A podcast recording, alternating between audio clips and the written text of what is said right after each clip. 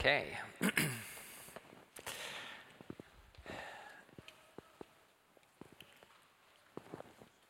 I den kristna församlingen så är ju den här textsamlingen är ju självklar. Varje gång vi möts till gudstjänst så läser vi från de här texterna. Och eh, i vårt kristna liv så är eller borde vara de bibliska texterna självklara. Att vi läser och eh, låter oss utmanas av Guds ord och lyssnar till Guds röst i hans ord. Så kristna är ju övertygade om att Bibelns texter är av en alldeles unik art och att de faktiskt är kommunikation ifrån Gud. Och då är det frågan, varför tror vi att detta på ett unikt sätt är kommunikation från Gud? Det är vad jag ska försöka, eh, försöka svara på.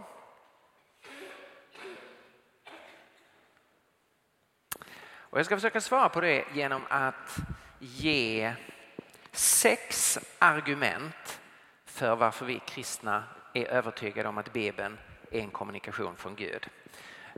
Det kommer tillsammans att bli vad man kallar för ett kumulativt argument. Att ackumulera någonting det är ju att man samlar ihop. En ackumulerad skuld det är den sammanlagda skulden man har samlat ihop. Och I filosofi så är ett kumulativt argument det är att man har en mängd delargument som man samlar ihop och man säger den, den sammanlagda tyngden av de här argumenten ger oss en anledning att tro på en viss sak. Argumenten kan inbördes vara lite olika viktiga, alla har inte samma tyngd men de bidrar var och en till att sammantaget så får man ett väldigt starkt case. Har man väldigt stark anledning att hålla något visst för sant. Så det är vad vi ska göra, sex olika argument. Och vi kör igång direkt och sen kommer det finnas möjlighet att ställa frågor eller komma med invändningar eh, i slutet. Det finns intellektuella skäl till att tänka att Bibeln är en kommunikation från Gud. Därför att Bibeln förklarar, de bibliska texterna förklarar världen på ett oerhört intressant sätt. Det här handlar om den bibliska världsbilden, det övergripande perspektiv som vi möter i Bibeln på vad det här är för en sorts värld och vilka vi är som människor. Alltså att vi befinner oss inuti en skapelse. Att det här har inte alltid funnits, det har blivit till. Universum är inte det eviga, det ursprungliga, det yttersta, utan det har blivit till. Det är för övrigt precis vad naturvetenskapen lär oss idag. Poängen med Big Bang-teorin är ju just att universum inte är evigt utan för ett ändligt antal år sedan blev till. Tiden och rummet, energin och massan blev till. Big Bang-teorin har ju ingen förklaring till det. Medan Bibelns öppning är precis förklaringen. I begynnelsen skapade Gud himmel och jord. Lät Gud tiden och rummet, energin och massan bli till. Så Bibeln förklarar det som vi idag vet om världen, att den inte är evig. Och vi kunde tittat på många andra punkter. Bibeln förklarar människan på ett fascinerande sätt. Att människan är skapad till Guds avbild och att vi därmed är en unik varelse. Vi är inte ett av djuren på planeten jorden. Även om vi delar många biologiska förutsättningar så är människan en speciell varelse skapad till Guds avbild, kallad av Gud att leva inför honom och i gemenskap med honom. Det förklarar det unika med människan vår möjlighet att tänka, att välja, vår förståelse av gott och ont, vår känsla för ansvar, skam och skuld. Allt det som är unikt med människan. Vår kreativitet, vår skönhetsförmåga, vår förmåga att, att bygga relationer, vår förmåga till kärlek.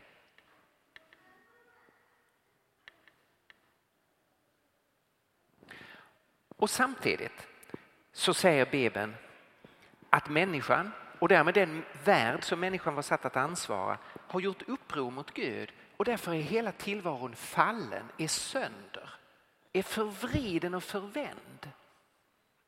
Och människan har ett djupgående problem vars rötter är att vi har tappat kontakten med Gud. Och det visar sig sen i att vi får problem på alla andra områden. Hur vi relaterar till varandra, hur vi relaterar till naturen. Här ger den kristna förståelsen av tillvaron ett helt unikt perspektiv. Som jag ser det passar det som hand i handske med det som jag kan iaktta om mig själv och om andra människor. Att vi har en höghet som ingenting annat har, vi är Guds avbilder. Men att vi också är korrupta i vårt inre av själviskhet. Finner det intressant när eh, intellektuella i Sverige uttalar sig så är man, gör man det från ett sekulärt perspektiv. Men ändå så smyger det ofta in dimensioner som just passar så väldigt bra med kristen tro. Det senaste litteratur, Nobels litteraturpris, och nu går vi inte in på allt som har hänt med Nobelkommittén i Sverige. Men det senaste litteraturpriset det tilldelades ju den eh, eh, japanska, fast han har växt upp i England, författaren eh, Ishiguro. Han har skrivit många uppmärksammade romaner. En av hans böcker, Återstoden av dagen, har också blivit en väldigt populär film. Så många av oss känner kanske mest till filmen med Anthony Hopkins, Återstoden av dagen. Varför fick Ishiguro Nobelpriset? Jo, motiveringen lät, löd så här. Ishiguro, som i romaner med stark känslomässig verkan har blottat avgrunden under vår skenbara hemhörighet i världen. Ja. Vad är det man säger? Man säger människan har ett enormt problem. Om du skrapar lite på ytan så är vår tillhörighet till världen bara skenbar och under öppnade sig avgrunder av mörker och tomhet. Man har ingen som helst förklaring. Varför är det så här? Varför hör vi inte hemma i den här världen ifall vi kommer direkt från den här världen? Hur kan det då vara en avgrund i vårt eget inre? Ja, det är det här som den kristna förståelsen av tillvaron förklarar. Det har med syndafallet att göra. Att vi har tappat våra rötter i Gud. Och det är detta som sen alla stora konstnärer illustrerar, människans dilemma. Så här finns en intellektuell dimension. I strikt mening så visar inte det att Bibeln är en kommunikation från Gud, jag är medveten om det. Men det visar att de bibliska texterna är intellektuellt sett meningsfulla. Att de filosofiskt och existentiellt är viktiga texter som är djupt meningsfulla att läsa och som intellektuellt ger oss eller har en förklaringsförmåga.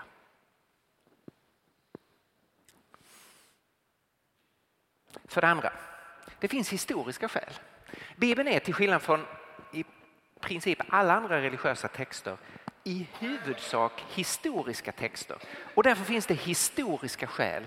Bibeln återger verkliga historiska händelser som har blivit verifierade. Inte alla av dem och inte i alla dess dimensioner, men i tillräckligt hög grad för att det finns anledning att ha historiskt förtroende för Bibeln.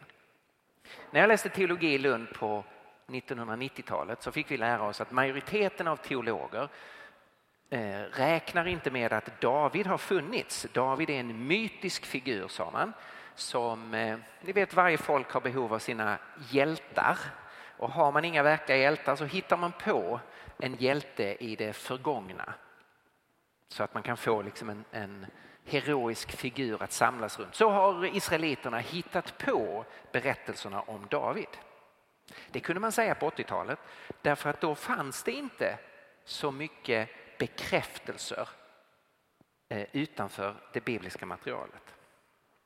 Men när man gjorde utgrävningar i Tel Dan Eh, 1993 och 1994, så hittade man inskriptioner som talar om Davids hus. Alltså om Davids kungahus och den kungaätt som har startat med David. Idag kan vi säga historiskt att den person som Bibeln ger så mycket utrymme är en verklig historisk person. Under 1800-talet så var man mycket skeptisk till Daniels bok och man hävdade att, eh, att eh, kung Belsassar i Daniel 5, ni vet han som är det babyloniska rikets sista kung, han som har den stora banketten och som plötsligt ser en hand på väggen som skriver du är vägd på en våg och befunnen för lätt. Ja, han kunde ju inte läsa texten. Han får ju kalla ner alla de lärde i Babylon och säger ni måste tyda texten. Ja, han förstår att han är ställd inför Gud och att Gud kommunicerar med honom men han kan inte läsa texten. Den som kan tyda texten ska bli den tredje herren i riket. Ingen kan tyda texten. Då kommer man ihåg att Daniel har en osedvanlig vishet. Daniel kallas in och får samma erbjudande. Kan du tyda texten så ska du bli den tredje herren i riket. Problemet här var att Belsassar var inte känd från några andra texter. Och det fanns ganska utförliga redogörelser i den babyloniska kungakrönikan om de olika kungarna. Och den sista kungen i Babylon hette Nabonidus. Och så föll det babyloniska riket och så blev det den persiske kungen Kores som tog över. Så det fanns inget utrymme för en Belsassar. Detta var ett standardexempel på att Bibeln var ohistorisk. Men i slutet av 1800-talet så eh, hittade man det som idag kallas för Nabonidus-cylindern. Och nu fick man plötsligt ny information om Belsassa. Han var son till Nabonidus, som man då hade trott var den sista kungen. Nabonidus hamnade i konflikt med prästerskapet i Babel som favoriserade guden Marduk. Men Nabonidus själv höll månguden Sin som den främste guden. Då valde Nabonidus att lämna huvudstaden och flytta till Tema för att bygga ett tempel till månguden Sin. Men i antiken kan inte en härskare lämna huvudstaden vind för våg. Det är ju någon annan som sätter sig på tronen och tar över kungamakten. Så det som Nabonidus eh, cylindern säger det är att Nabonidus installerade sin son Belsassar till samregent med sig själv så att Belsassar skulle hålla ställningarna i Babel medan Nabonidus var borta i Tema och byggde tempel. Och nu plötsligt blev en sak förklarlig som ingen hade förstått tidigare. Varför enligt den bibliska texten erbjuder Belsassar att man kan bli den tredje herren i riket? Varför inte nummer två? Om nu detta är så viktigt att få tolkningen. Ja, nu faller det på plats. Han kan inte erbjuda plats nummer två. Det högsta du kan bli i riket är att bli nummer tre. Nabonidus är nummer ett, Belsassar själv är nummer två. Det finaste du kan utnämnas till är att bli den tredje herren i riket. Idag så råder det konsensus om att Belsassar var Babylons siste kung tillsammans med sin far eh, Nabonidus.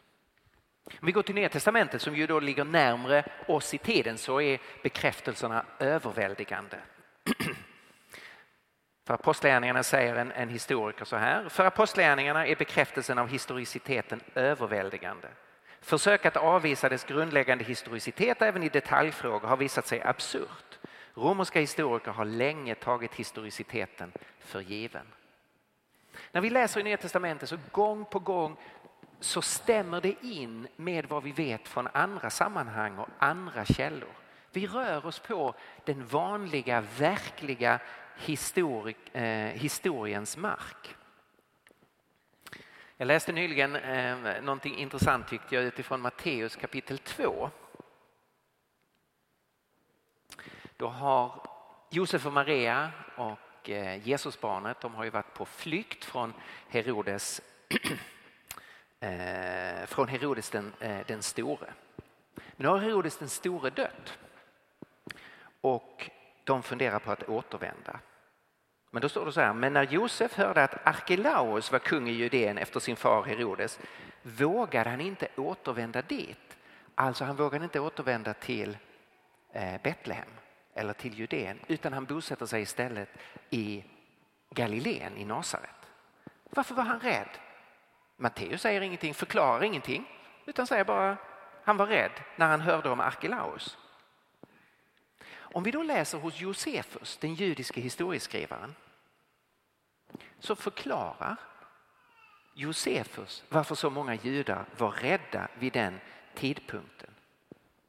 Det hade varit ett upprop, uppror i templet och Arkelaus hade slått ner det på ett fruktansvärt sätt. Han hade dödat 3000 judar i templet, ett fruktansvärt blodbad och hade hotat att fortsätta detta. Och Josefus säger att människor då lämnade Jerusalem. De gav sig därifrån och lämnade den religiösa högtiden av rädsla för att någonting värre, ännu värre skulle hända.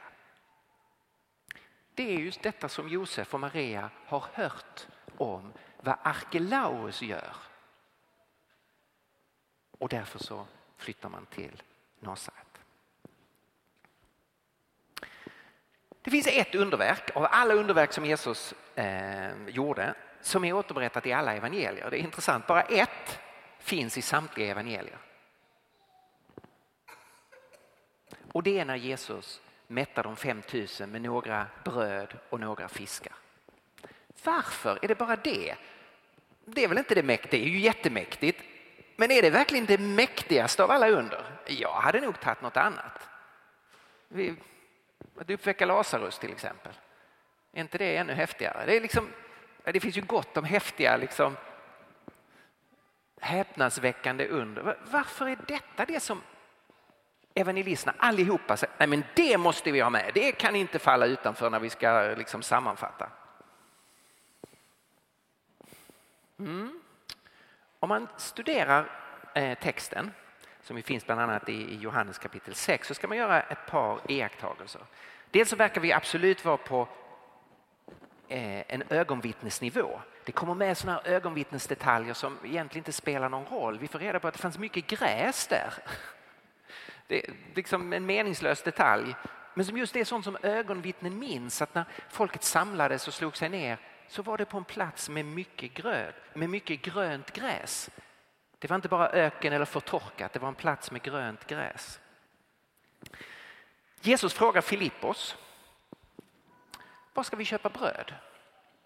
Och vi får ingen förklaring till varför frågar han just Filippos om varför vi ska köpa bröd. Om vi läser de olika texterna så får vi reda på att Filippos var från Betsaida och brödundret skedde precis utanför Betsaida. Det är alltså den naturliga lärjungen att fråga ifall det finns ställen att köpa bröd på.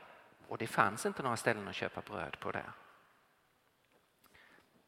Och så kommer det som är det riktigt intressanta. Det var omkring 5 000 män på plats förutom kvinnor och barn. Så hur många var de? Ja, de var kanske 10 000.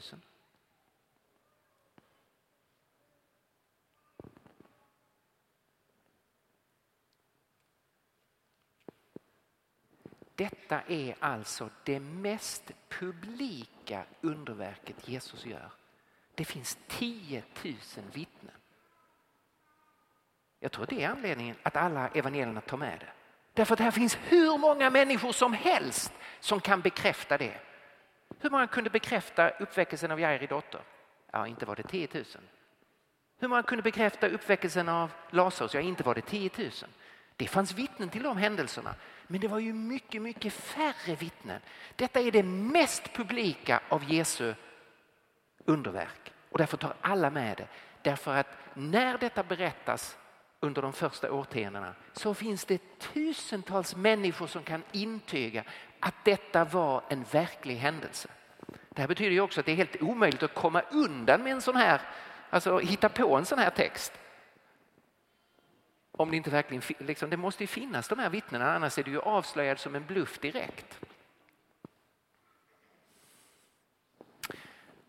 Så, det andra argumentet är att Bibeln handlar om historiska händelser som i tillräcklig grad är verifierade.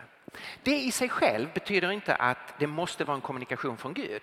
Men det visar att vi rör oss inte på mytens eller legendens eller sagans område. De bibliska texterna handlar om verklig historia. För det tredje, det finns profetiska skäl.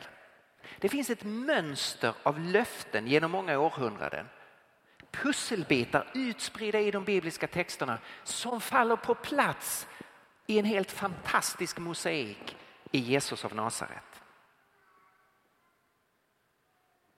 Redan från kapitel 3 i Bibeln så talas det om att Gud kommer att ingripa. Människan har ödelagt och förstört. Gud ska nu ställa till rätta. Och så kommer löftena och de går från det väldigt allmänna till det verkligt specifika. Gud kommer att ingripa, inte utifrån utan inifrån mänskligheten. Någon ska en dag födas av en kvinna och den personen, han ska krossa ormens huvud, ska få göra den makt som har vilselett människan. Men det ska ske inifrån själva mänskligheten. Det ska ske genom en människa född av en kvinna. Det ska ske i en viss etnisk grupp. Det ska ske i Abrahams familj. Gud utväljer en man och säger du ska få en son, det ska bli ett folk, ni ska få ett land. Och det är i det folket som den här människan ska födas som ska föra välsignelsen tillbaka in i mänskligheten. Det ska ske i en viss stam. Abraham får ju en son Isak, Isak får en son Jakob, Jakob får tolv söner. Var ska nu löftet ta vägen? Och Gud säger, det ska ske i en viss stam. Det ska ske i Judas stam. Från honom ska spiran aldrig tagas ifrån. Så det är i Judas stam som den här personen ska födas. I Judas stam ska han födas i en viss familj, för Judas stam grenar ju sen ut sig i olika familjer. Han ska vara en ättling till kung David som var av Juda stam. Så David får ju löften om att längre fram ska det komma någon som föds i hans släkt som ska bli en kung och som ska upprätta ett rike som aldrig ska gå under, som ska bestå i alla tider. Så nu har det gått från att det ska vara en människa till någon i Abrahams släkt, någon i Judas stam, någon i Davids släkt som ska födas på en viss plats. Inte i Jerusalem som man skulle förvänta utan i den ringa staden Betlehem. Därifrån ska en härskare utgå. Och det ska ske vid en viss tidpunkt. Det ska ske medan templet, det andra templet, det templet som byggdes upp efter fångenskapen i Babel, som byggdes upp under Esra och Nehemja. Till det templet ska Guds utvalde komma. Till det templet, där ska Messias framträda. Alltså, det måste vara en person före år 70 när det templet ödeläggs och har sedan aldrig byggts upp.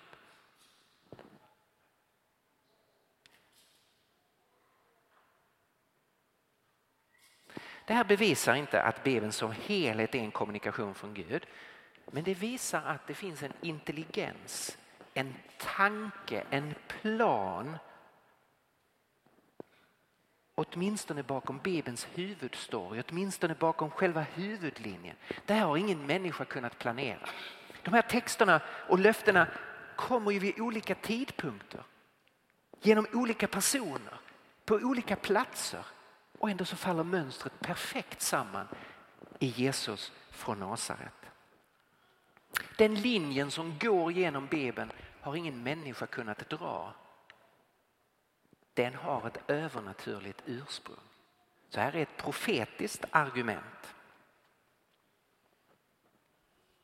Och förstås, det här blir ju allra starkast om vi läser Jesaja 53. En text som Jesaja uttalar 700 före Kristus och här spelar det ingen roll om man också tar en, en liberal teologisk datering och säger att det skrevs 500 före Kristus. Det blir fullständigt lika osannolikt ändå.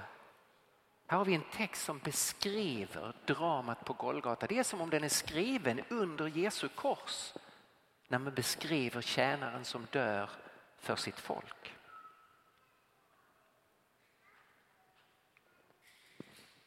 För det fjärde, Bibelns egna anspråk som ett skäl. Den helige andes inspiration. När man läser i Bibeln så möter vi anspråk på vad det här är för sorts text. Inte i varenda bok, inte på varenda sida, men utspritt i de bibliska texterna så möter vi igen och igen anspråk på att detta är ord ifrån Gud. Om man vill systematisera det så kan man göra så här tycker jag. Bibelböckernas egna anspråk. De är på följande sätt. Nämligen att Gud, han som har skapat allting, har talat till människor. Inte på något mystiskt sätt utan som den ena människan talar till den andra. Ansikte mot ansikte, på verkligt mänskligt språk så det har varit möjligt för människor att förstå. Så sägs det att Gud talade med Mose. Ansikte mot ansikte som den ena människan talar till den andra. Och i Hebreerbrevet står det att Gud har talat på många sätt och många gånger till fäderna genom profeterna. Och nu vid denna tidens slut har han talat till oss genom sin son. Gud har talat till människor. För det andra så har Gud talat genom människor. Människor som har fått Guds ord har blivit sända att tala ut det ordet. Det är intressant om man läser profetböckerna. Nästan alla profetböcker börjar ju genom att säga detta är Herrens ord som kom till profeten den och den vid den och den tidpunkten. Och sen är det som ett kolon och sen kommer det ord som Herren talade till profeten förmedlas nu genom profeten. I Haggais bok så står det att folket lyssnade till sin Guds ord genom profeten Haggais ord. Så det som profeten bar fram var inte bara sina egna ord utan var i verkligheten Guds ord. Och så talar Paulus, aposteln, när han skriver till församlingen i Thessalonike att han tackar Gud för att de tog emot hans undervisning. Inte bara som människors ord utan som Guds ord, vilket det i sanning är. För det tredje, Gud har befallt människor att skriva ner det han har talat till dem och det han har talat igenom dem. Och det här är ju en nyckelpunkt för oss. Vi som inte lever samtida med profeterna eller samtida med apostlarna. Hur ska vi veta vad de sa? Jo, det vet vi därför att deras ord har skrivits ner så att vi har tillgång till dem. Och det har Gud befallt. Profeten Jeremia profeterar i sin samtid. Kungen och ledarskapet litar inte på Gud och följer inte förbundet. Jeremia kritiserar dem och kritiserar dem och utmanar dem att gå en annan väg. Kungen tröttnar till slut på profetens kritik. All kritik har skrivits ner, profetierna har skrivits ner med hjälp av sekreteraren Baruk. Och då tar kungen samtliga profetier och slänger dem i elden och bränner upp det. Och tänker yes, nu är jag fri från den här eländiga profeten som kritiserar mig. Då kommer Gud till Jeremia och säger ta din sekreterare, din tjänare Baruk och låt honom skriva ner allt det som jag har sagt till dig. Och så skrivs det ner igen. Gud befaller att det ska bevaras. Det får inte förstöras längs vägen. Så säger också Paulus i Romarbrevet 15 att det är på den hedlige Gudens befallning som vi har fått de, helig, de profetiska skrifterna. Gud har befallt och det har skrivits ner. Och för det fjärde, det nedskrivna är inspirerat av Gud. Och det är därför som det är Guds ord.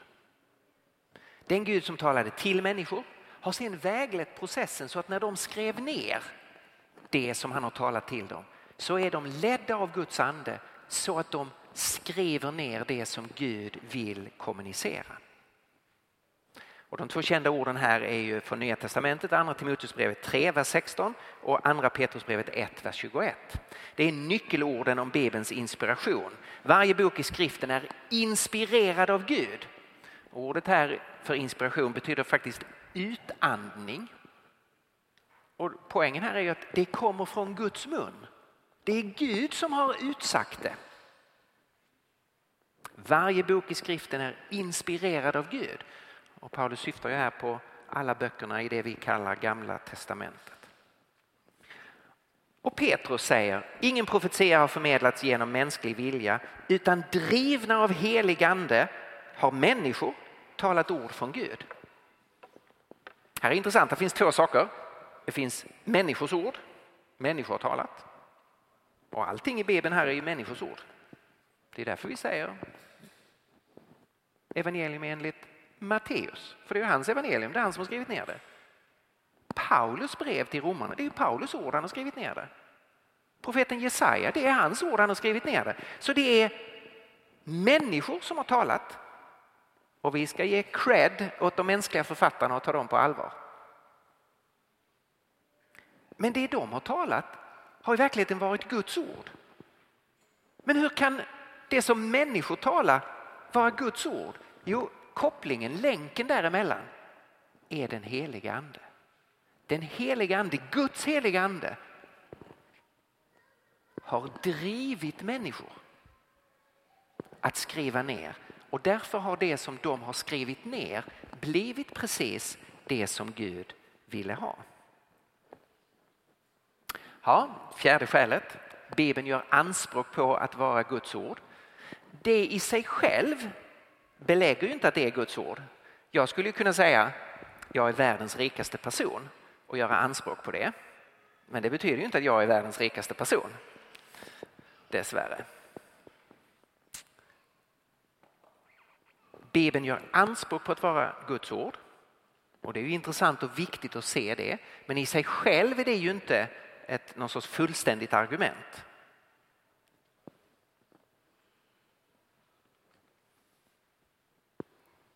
Ehm, men det är viktigt att se att de här anspråken finns och att de finns utspridda genom hela Bibeln.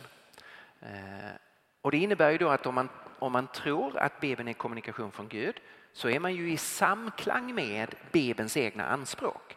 Då ligger man i linje med det som Bibeln själv påstår. För det femte, det finns personliga skäl, den existentiella dimensionen av Guds röst. Bibeln som, och nu använder jag ett teologiskt begrepp, självautentiserande. Alltså att Bibeln är självbekräftande. Och det här har kristna genom alla tider haft en erfarenhet av att Bibelns ord är levande, att Bibelns ord är som ett tveeggat svärd som drabbar människan. Att Bibelns ord anklagar och dömer men upprättar och förnyar och glädjer också. Någonting sker med mig. Jag erfar att Gud möter mig i ordet. Att Gud talar till mig genom ordet. Att Gud gör någonting med mig genom sitt ord när jag läser det eller hör det förkunnas. Det här är uttryckt i en av de reformatoriska bekännelseskrifterna i Westminster Confession of Faith. Det är inte en luthersk bekännelse utan en, en, eh, en reformärt bekännelse. Men den uttrycker på de allra flesta punkterna precis samma uppfattning som Luthers kristendom har. Och här säger man på följande sätt om Bibeln. Och då börjar man med att räkna upp många olika argument för Bibeln men kommer att sluta med vad man menar är det avgörande argumentet för Bibeln som Guds ord. Guds kyrkas vittnesbörd kan föra och leda oss in i en hög och vördnadsfull syn på skriften. Likaså utgör det himmelska innehållet, lärans verkan, det upphöjda uttryckssättet, alla delarnas samstämmighet, helhetens mål, vilket är att ge Gud ära, det, det fulla utpekandet eh, av människans, av människans enda väg till frälsning samt dess många andra ojämförliga förträffligheter och odelade fullkomlighet, skäl genom vilka den rikligt bevisar sig vara Guds ord. Så många olika anledningar att tro att Bibeln är Guds ord. Dock, oaktat detta kommer vår fulla övertygelse och visshet om dess ofelbara sanning och gudomliga auktoritet ifrån den helige andes inre verk vittnande genom och med ordet i våra hjärtan. Här säger man alltså att Guds heliga ande som har inspirerat Guds ord också verkar i våra hjärtan och skapar vissheten och övertygelsen om att ordet kommer från Gud. Därmed så bekräftar ordet sig själv för den kristne. För det sjätte och till sist, det som jag menar är det allra mest avgörande argumentet. Och det är ett auktoritetsargument. Nämligen att Jesus, som är Guds son, bekräftar att Bibeln är en kommunikation ifrån Gud. Nu är det en del, åtminstone om ni eh, hänger med i den moderna världen och är påverkade av den som skulle säga det här var det sämsta av alla argumenten. Auktoritet, du kan väl inte hänvisa till en auktoritet som ett argument. Vi är väl mot auktoriteter, vi ifrågasätter auktoriteter. Ja, ska man säga om det? Jag gillar det som Einstein har sagt. Blind tro på auktoriteter är sanningens främsta fiende. Ja, det håller jag med om.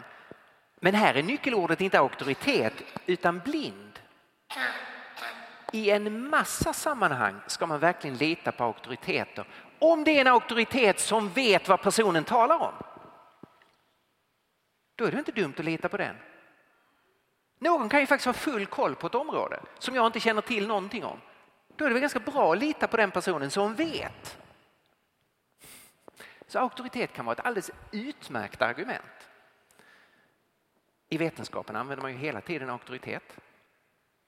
En forskargrupp på Harvard har bevisat att ja, det blir en auktoritet. Här är framstående personer inom detta område som har visat någonting. Det är inte konstigt om man använder det som en auktoritet. Jag som kristen bekänner att Jesus är Herre. Det betyder att han är min auktoritet. Han är den yttersta auktoriteten i mitt liv. Och därför så är jag intresserad av vad Jesus sa om Bibeln, hur han såg på Bibeln. Och det är, en, det är en alldeles vanlig historisk fråga. Vad tänkte Jesus om pengar? Vad tänkte Jesus om sex? Vad tänkte Jesus om bön? Vad tänkte Jesus om demoner? Vad tänkte Jesus om den del av Bibeln som han hade tillgång till, Gamla Testamentet? Det går att ta reda på, precis som man kan ta reda på vad tänkte Buddha om sex eller pengar eller fasta eller andlig upplysning. Har vi historiskt material så kan vi undersöka det. Vi har ett omfattande historiskt material om Jesu bibelsyn. Han uttalar sig många gånger om det vi kallar Gamla testamentet. Och det är alldeles uppenbart att han bekräftar Gamla testamentet. Han har inte kommit för att upphäva det utan för att uppfylla det. Han knyter sin egen undervisning till Gamla testamentet. Om ni inte tror på vad Mose har skrivit kan ni inte tro på mig. I en, i en utmanande diskussion som han har där han citerar ett ställe från Saltaren 82 så lägger han till efter det citatet och skriften kan inte upphävas. Jag har nu citerat ur Gamla testamentet eller ur skriften och så påminner han lyssnarna, skriften kan inte upphävas.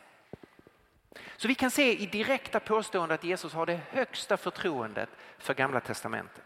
Och vi kan se i indirekta påståenden i evangelierna hur han hela tiden utlägger Gamla testamentet. Bergspredikan. Han utlägger Gamla testamentet och korrigerar samtidens missförstånd av det.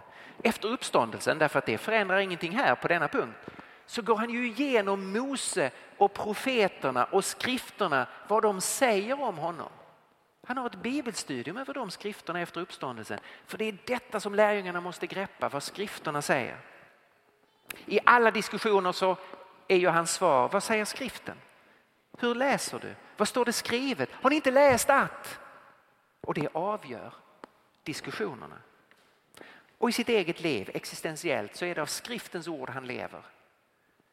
I början av sin tjänst när han förs ut i öknen att frestas, då är det skriftens ord som vägleder honom i de yttersta frestelserna. Och i den yttersta nöden på korset så är det Guds ord han talar, det är Guds ord han ber, det är Guds ord han proklamerar. Han lever av Guds ord. Det är historiskt ofrånkomligt att Jesus från Nasaret bekräftar det gamla testamentet att det är Guds ord, att det är sant, att det är tillförlitligt och att vi är kallade att leva av det. Vad sa Jesus om Nya Testamentet? Ja, det är ju klurigare, det fanns inte. Så det är klart han sa ingenting om det i direkt mening. Nya Testamentet är ju skrifter som är tillkomna från slutet av 40-talet antagligen till 90-talet. Men det är ju efter Jesu död, uppståndelse och himmelsfärd. Ändå så kan vi faktiskt veta någonting om hur vi ska se på det vi kallar Nya Testamentet och hur Jesus vill att vi ska se på det. Därför att Jesus medvetet och tydligt förberedde Nya Testamentet genom att utse apostlar. Och apostel kan betyda sändebud eh, rent allmänt men det har ofta en teknisk betydelse av att vara ett befullmäktigat ombud. Att agera åt, åt någon annans vägnar. Precis som du kan vara ett ombud på ett årsmöte eller du kan rösta i ett val. Via, då är det någon annan som lägger din röst. Du har bestämt vem ska få min röst? Men det är någon annan som framför det. Så säger Jesus till apostlarna. De är hans befullmäktigade ombud och därför kan han säga den som hör er har hört mig. De talar å hans vägnar, på hans uppdrag, hans budskap.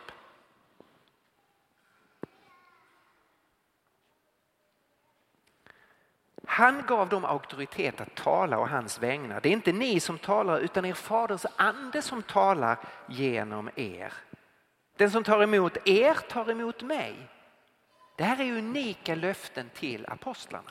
Och sen får de ett löfte som också är unikt, som inte gäller oss. Jesus säger, eh, Jesus säger att ni kan ännu inte ta emot allt jag har att ge er. Men när han kommer, sanningens ande, då ska han vägleda er till hela sanningen. Och det är sagt till apostlarna. De har fått löftet att anden skulle vägleda dem till den fulla förståelsen av vad Jesu död på korset och hans uppståndelse betydde, vad Guds rikets inträde i världen betydde. Så jag skulle hävda att Jesus förberedde Nya Testamentet och ger Nya Testamentet dess auktoritet genom att han utser befullmäktigade ombud som talar å hans vägnar. Och det är därför som vi som kristna läser de apostoliska skrifterna i Nya Testamentet. Så, då får vi följande bild. Jesus, det är min övertygelse som kristen, är Guds son. Han bekräftar gamla testamentet, han förbereder nya testamentet. Jag tror på Bibeln, på hans auktoritet. Och för mig är detta det yttersta argumentet. Det argument som slutgiltigt avgör allt det som de andra fem argumenten har pekat mot. Så är detta det slutgiltiga. Det handlar om min bekännelse till Jesus. Han är min Herre. Och jag kan veta historiskt vad han tänkte om de här frågorna. Alltså bör mitt tänkande lägga sig i linje med vad han tänkte. Nu har jag presenterat det här många gånger, inte minst för studenter och eh, jag vet exakt vad folk tänker. De säger så här, ja, ja det där lät ju fromt och bra. Du fick med Jesus här, i, snyggt. Men du har just presenterat århundradets cirkelargument. Du har argumenterat ungefär så här, Bibeln är ofelbar. Hur vet du det? Jo, därför att Bibeln är Guds ord. Ja, men hur vet du det? Därför att Bibeln säger att den är Guds ord. Och så argumenterar man i en cirkel där man bara utgår från Bibeln hela tiden. Du försöker komma fram till en viss syn på Bibeln genom att citera Jesus som ju är omnämnd i de här skrifterna. Det blir ju ett cirkelargument där du bevisar det du redan har utgått ifrån. Du går bara runt. Mm. Det är en bra invändning. Är det ett cirkelargument så kan vi förkasta det direkt. För cirkelargument betyder ingenting. Att gå runt i en cirkel där man förutsätter det som ska bevisas. Men det är faktiskt inte det jag har gjort. Nu får ni ta ett djupt andetag ska vi se om vi kan reda ut det här. För nu måste vi tänka noggrant och klart. Jag följer här en argumentation som går tillbaka till John Stott. Han har formulerat den och har formulerat den väldigt väl tycker jag. Han säger så här. Vi kan studera evangelierna som vanliga historiska källor, vilket de är. De är biografier över Jesus från antiken. Genom det studiet förs vi, utan att ha tro på Bibeln som Guds ord, till en tro på Jesus som Guds son. Det är det som hela tiden över hela världen idag sker genom alfagrupper. Människor säger okej, okay, jag är beredd att läsa evangelierna. Man har ingen bibelsyn, man tror inte att det är Guds ord eller att det är ofelbart. Man bara läser de historiska skrifterna om Jesus från Nasaret. Det studiet väcker tro på Jesus, att han är den han säger sig vara, att han är Guds son. Och så blir man en kristen. Man har fortfarande ingen bibelsyn. Man har kommit till tro på Jesus som Guds son. Men nu när man har blivit kristen så läser man ju evangelierna en gång till. Och nu återvänder man till samma historiska källa för att lära av Jesus som man nu tror är Guds son och därför har full koll på allt. Och nu vill man lära vad tänkte Jesus om Gud? Om bön, om pengar, om sex, om gamla testamentet och om sina apostlar. Och så får man ett perspektiv från Jesus i de här frågorna, inklusive en bibelsyn. Det här är faktiskt inget cirkelargument. Det är ett argument i en alldeles rak linje. Jag börjar utan bibelsyn och slutar med en bibelsyn. Jag börjar med evangelierna som historiska källor. Studiet av dem leder mig till tro på Jesus. Den nya tro jag nu har för mig in i ett nytt studium av samma texter och då får jag en bibelsyn av Jesus. Så för mig är det så att bibeltro en följd av Jesus tro. Att jag har ett obrutet förtroende för Bibeln som Guds ord beror på att jag har ett obrutet förtroende för Jesus som Guds son. Om han är Guds son så vet han vad han talar om. Om han är Guds son så har han koll på alla fakta. Har han ett obrutet förtroende för Guds ord, då vill jag ha det. Det ligger i sakens natur. Jag har ju bekänt att han är Herre.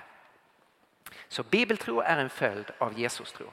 Så varför tror vi att Bibeln är Guds ord? Av många olika skäl som alla pekar i samma riktning men de har lite olika tyngd och bidrar med lite olika saker. Det finns intellektuella skäl, historiska skäl, profetiska skäl, Bibelns egna anspråk, andens vittnesbörd i mitt hjärta och inte minst Jesus som är vår auktoritet som kristna och som är det avgörande skälet.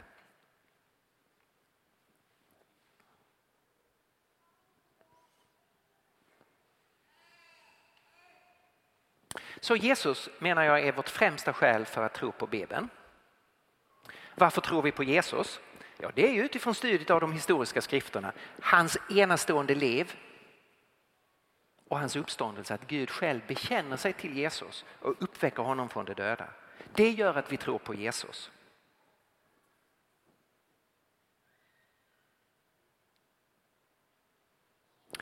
Vår tro på Jesus innebär att vi antar samma syn på Bibeln som Jesus hade. Och den syn som Jesus hade, att detta är Guds ord, bekräftas sen intellektuellt, att vi ser att detta ger en enastående förklaring av världen. Historiskt, att vi ser att Bibelns texter handlar om verkliga händelser. Profetiskt, här finns ett mönster som ingen människa har kunnat lagt av förutsägelser om vad som skulle ske. Bibelns egna anspråk, att det är just detta Bibeln hävdar om sig själv. Och andens vittnesbörd i mitt liv, att anden bekräftar att detta är ett förpliktigande ord som jag är kallad att följa. Så där har ni en intellektuell karta över hur argumentationen ser ut.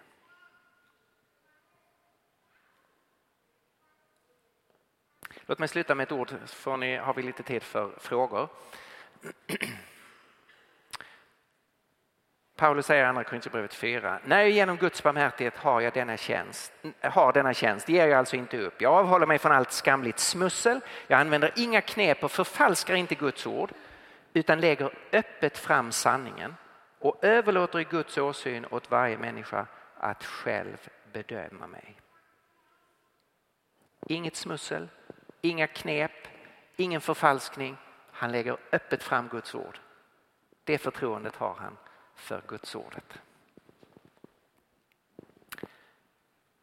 Okej. Okay. Nu blev det lite längre än jag hade tänkt, men visst har vi lite till för frågor? Tack så mycket. Finns det frågor så kan ni lägga upp en hand så ska vi försöka hitta er. En mycket kort fråga, eh, jag hoppas på ett medelkort svar. Eh, hur ser du på de apokryfiska skrifterna utifrån det som du har undervisat nu? Så frågan är de apokryfiska skrifterna, ja. Och du syftar då på eh, Gamla testamentets apokryfer. Ja, det, det blir då en, jag har inte talat om det är detta man kallar för kanonfrågan, alltså omfånget av Bibeln. Vilka, vilka böcker ingår i denna speciella kategori av att vara kommunikation ifrån Gud? Och då har jag eh, utgått från de kanoniska skrifterna. Och det gör jag eh, framförallt av, av följande skäl. De, de apokryfiska skrifterna det är ju skrifter som, eh, som skrivs av judar mellan Gamla testamentet och Jesus. Så det är, eh, där är ju ett tidsgap på flera hundra år från den sista profeten Malaki till det att Jesus framträder. Och då fortsätter att skrivas böcker i Israel som berättar om Israels historia och som formulerar Israels tro. Men dessa böcker har aldrig accepterats som Guds ord av judarna själva. De ser dem inte som likvärdiga med Gamla testamentet och har aldrig gjort. Om du köper en hebreisk bibel i Jerusalem idag så får du inte med apokryferna. Eh, Josefus, som ju skriver på 90-talet, eh, han beskriver judarnas synsätt här och talar om eh, de 22 böcker, det motsvarar våra 39 för de räknade på lite annat sätt. De 22 böcker som judarna ser som Guds ord och sen övriga skrifter som man inte tillskriver samma värde. I den kristna kyrkan blev det sen en diskussion om apokryferna.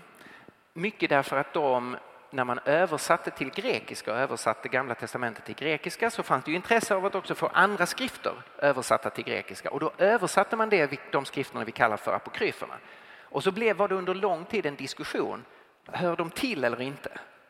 Och eh, katolska kyrkan eh, har då vid eh, konciliet i Trient slagit fast att de hör till Medan eh, protestantiska kyrkor har sagt nej men eh, vi ska följa det som judarna som var de som fick skrifterna deras bedömning att det är inte Guds ord. Eh, det är god och nyttig läsning som Luther säger, man behöver inte vara rädd för dem, de innehåller en massa intressant. Men det är inte Guds ord. Finns det flera frågor? Där har vi en.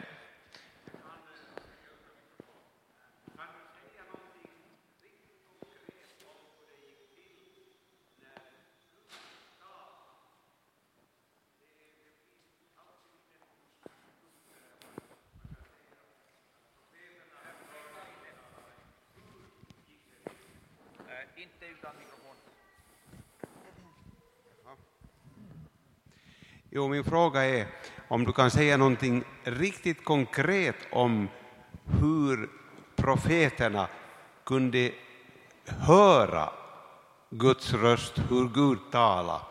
Jag tycker att det är alltid lite diffust det där. Jag tror att eh, vi ska tänka det mycket konkret. Det är det som, som måste ju vara poängen när Andra Mosebok säger Gud talade till Mose ansikte mot ansikte så som den ena människan talar till den andra. Så då har vi en förklaring. Hur gick det till? Alltså det var inte mystiskt, extatiskt, andligt eller så. Hur, hur talar du och jag med varandra? Vi använder stämband, vi använder mänskligt språk, det är ljudvågor. Det, det måste ju vara poängen. Så som den ena människan talar till den andra. Det är ju Gud som, han är själv logos, ordet. Gud är kommunikation. Så en Gud som talar, det ligger i Guds eget väsen. Gud är kommunikation. Han har skapat oss som språkliga varelser, men för, det är ju helt unikt för oss att ha ett språk på vår nivå. Vi kan tala exakt eh, vilken eh, språklig form Mose använde kan vi ju, kan vi ju diskutera hur hebreiskan har utvecklats och så, men låt oss, låt oss beteckna det som hebreiska.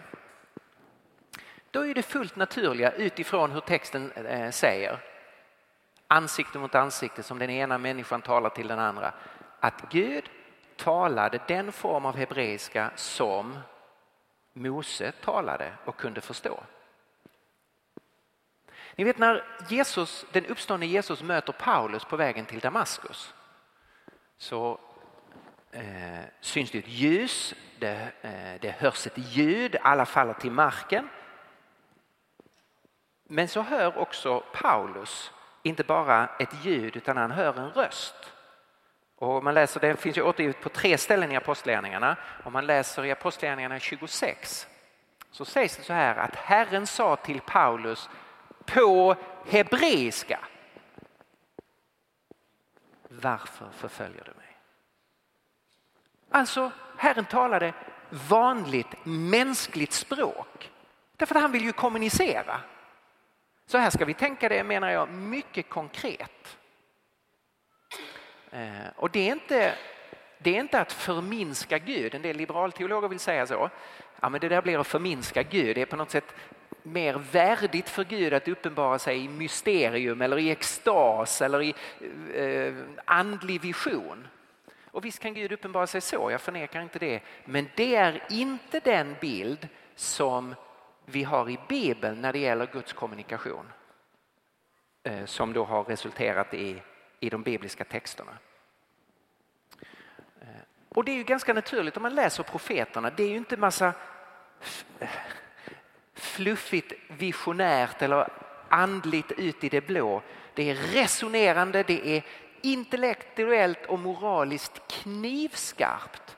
Man läser Jesaja hur han klär av, av samtiden, deras avgudadyrkan, den korrupta regimerna, det politiska spelet. Nej, det har varit så som den ena människan talar till den andra i åtminstone i många av fallen. Sen är det ju många ställen där vi, det sägs ingenting om liksom själva processen. Men de ställen där vi har någonting om processen så är det inte att Herren har försatt människor i trans. Utan han har talat till dem på ett sätt som de kan förstå. Och det är inte konstigare än att när Gud själv blir människa så kommer han till oss sådan som vi, synden undantagen. Han blir som vi och talar mänskligt språk med oss. Det var ju så människor mötte Jesus från Nasaret och förstod Gud finns i honom. Men det betyder ju inte att han inte talar mänskligt språk. Han var ju fullt ut människa. Det är ingenting som är förnedrande för Gud att bli en människa. För det är ju han som har skapat den mänskliga formen till sin avbild.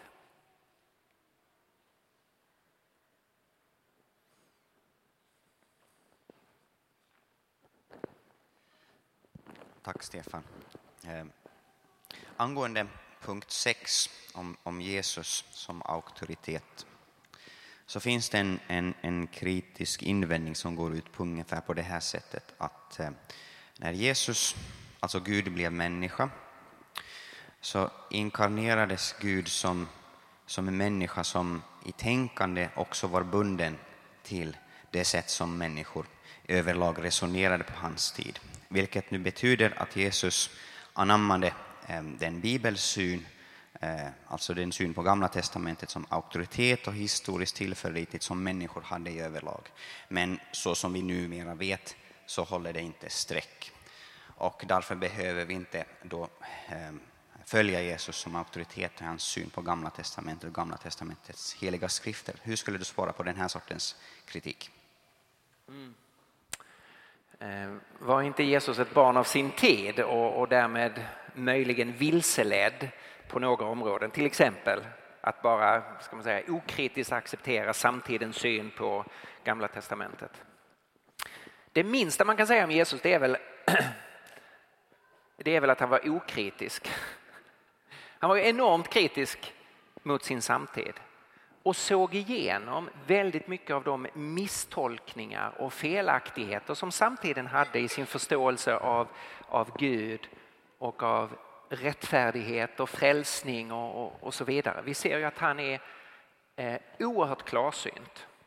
Så det första jag skulle säga är Jesus var ju inte en person som bara flöt med strömmen generellt sett. Så varför ska jag tro att han flöt med strömmen på det här området? Han verkar ha varit en oerhört självständig och klartänkt person om jag bara börjar med den allmänmänskliga bilden. Så eh, då skulle jag vilja ha ett, någon sorts argument för varför skulle han vara... Därför att de flesta som säger det här skulle jag också säga Jesus är fantastisk. Tänk att han, tänk att han såg igenom samtidens felaktiga sätt att behandla kvinnor. Tänk att han såg igenom det felaktiga i hur man betraktade syndare och publikaner. Tänk hur han såg igenom det området och det området. Det får man aldrig någon kritik för om man säger. Varför ska jag utgå från att här är plötsligt ett område han inte har tänkt igenom? Så här skulle jag vilja utmana kritikern då att, att vara lite konsekvent så att säga. Hur, hur, hur kommer du fram till det där? Men den viktigaste punkten det är, en, det är ju en, en annan punkt. Och det har ju med detta att göra att jag bekänner Jesus som Herre. Det är den urkristna bekännelsen, att Jesus står över mig. Eh, om du inte kan instämma i den bekännelsen så kan du inte göra anspråk på namnet kristen. Så Jesus är Guds son. Och det innebär ju att han visste mer än vi. Och det blir ytterligt egendomligt att tänka sig att han skulle ha begränsat sina insikter och helt felaktigt och bara accepterat en syn i sin samtid som skulle komma få enorma påverkan på den kristna kyrkan genom hela historien. Att på grund av att han gjorde så här så har den kristna kyrkan fram till alldeles nyligen helt enhetligt sagt att Bibeln är Guds ord varför ska det, det verkar vara en mycket konstig tankegång. Varför skulle jag tänka mig att Jesus som är Guds son och till sin gudomliga natur har all kunskap. Varför skulle han begränsa sig här och tillåta så att säga, tillåta sig att gå vilse? Eh, så jag tycker inte det blir en, en, en sammanhängande synsätt utifrån min bekännelse. Han är Guds son. Det, det, det följer saker med det om jag börjar introducera den här tankegången att han, eh, han eh, okritiskt accepterade felakter i sin samtid, då går det ju sen att säga på varje tänkbart område. Eh, och då har man plötsligt förflyttat Jesus som auktoritet över mig till Jesus som en intressant inspirationskälla under mig där jag kan ta emot det jag gillar men kan förkasta det andra. Därför att det kan alltid vara att han råkade vara av misstag inspirerad av sin samtid. Så jag tycker att man måste reda ut kristologin här helt enkelt, hur man tänker kring Jesus som Guds son. Jag tror vi ska hinna med åtminstone en fråga till, eventuellt två. Där har vi en.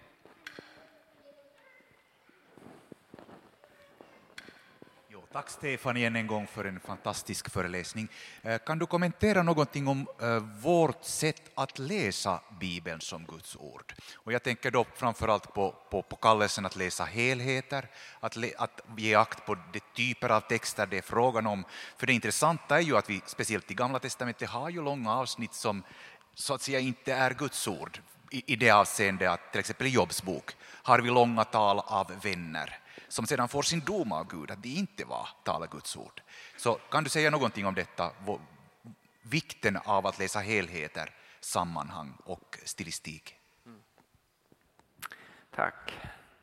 Eh, ja, det är ju en, stor och väldigt viktig fråga hur vi sen läser de här texterna. Och här finns det många sätt att gå vilse på. Eh, och man kan, man kan vara väldigt välmenad att nu ska jag ta Guds ord på allvar och så i slutändan faktiskt tolka det eller läsa ut det på, på helt felaktigt sätt. Så här måste vi vara, vara väldigt noggranna och vi behöver hjälpa varandra att läsa Bibeln på ett, ett riktigt sätt.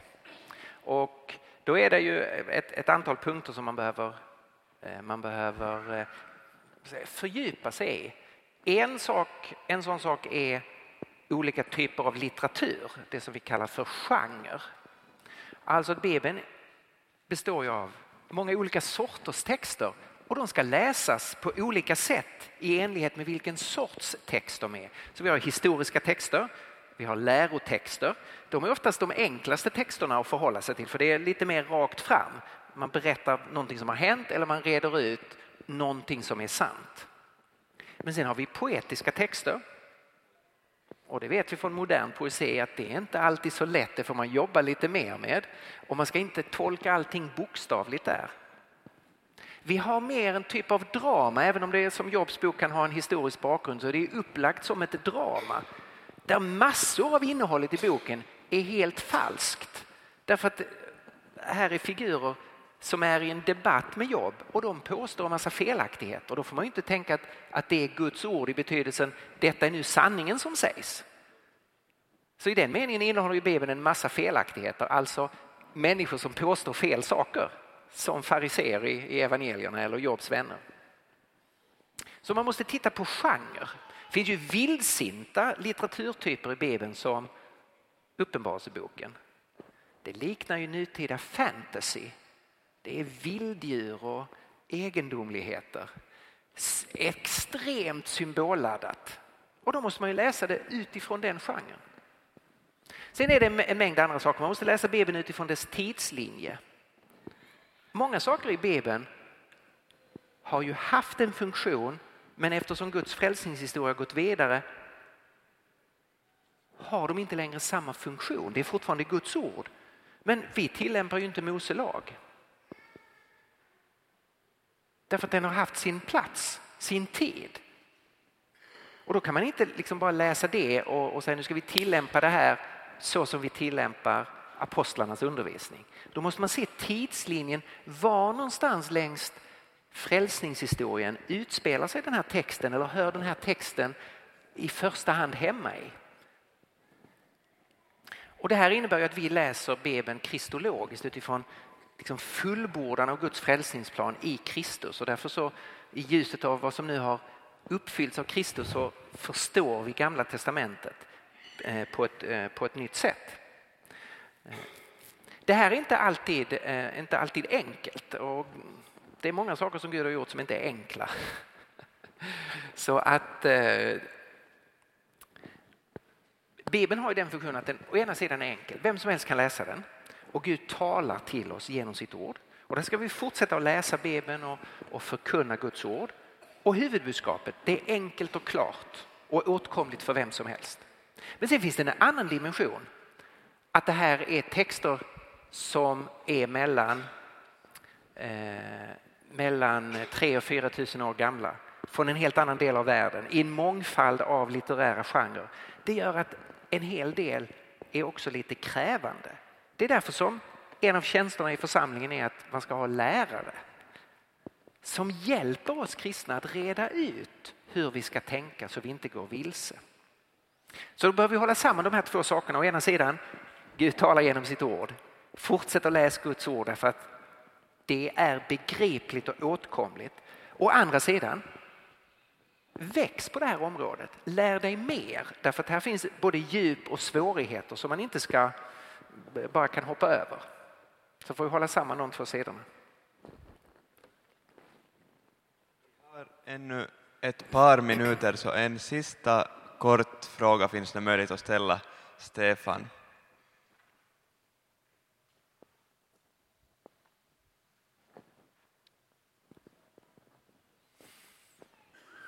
Sista chansen, där har vi.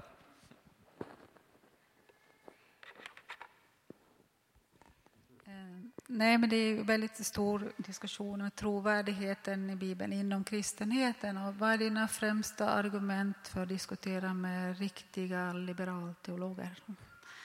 om Bibelns, hur man tolkar Bibeln och hur, ja, de här, ja, hur argumenterar du med dem? Eh, förstod jag frågan rätt om eh, hur vi argumenterar med liberal, liberalteologer? Ehm, ja, dina starkaste argument när du hamnar i en sån diskussion. När man tar Bibeln väldigt lätt idag på många sätt och man, man kompromissar och urvattnar Bibeln.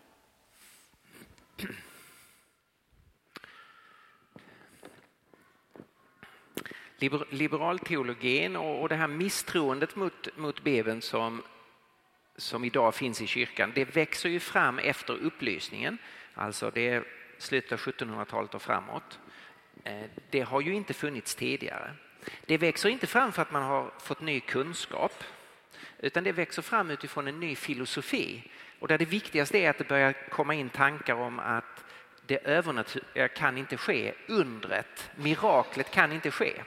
Och eftersom Bibeln är full av mirakel så måste man ju då bli kritisk på massor med punkter av Bibeln. Ja, men jungfrufödelse, man, en kvinna blir inte gravid utan, Eh, eh, utan en sädescell. Det funkar inte. Man kan inte gå på vattnet, man drunknar.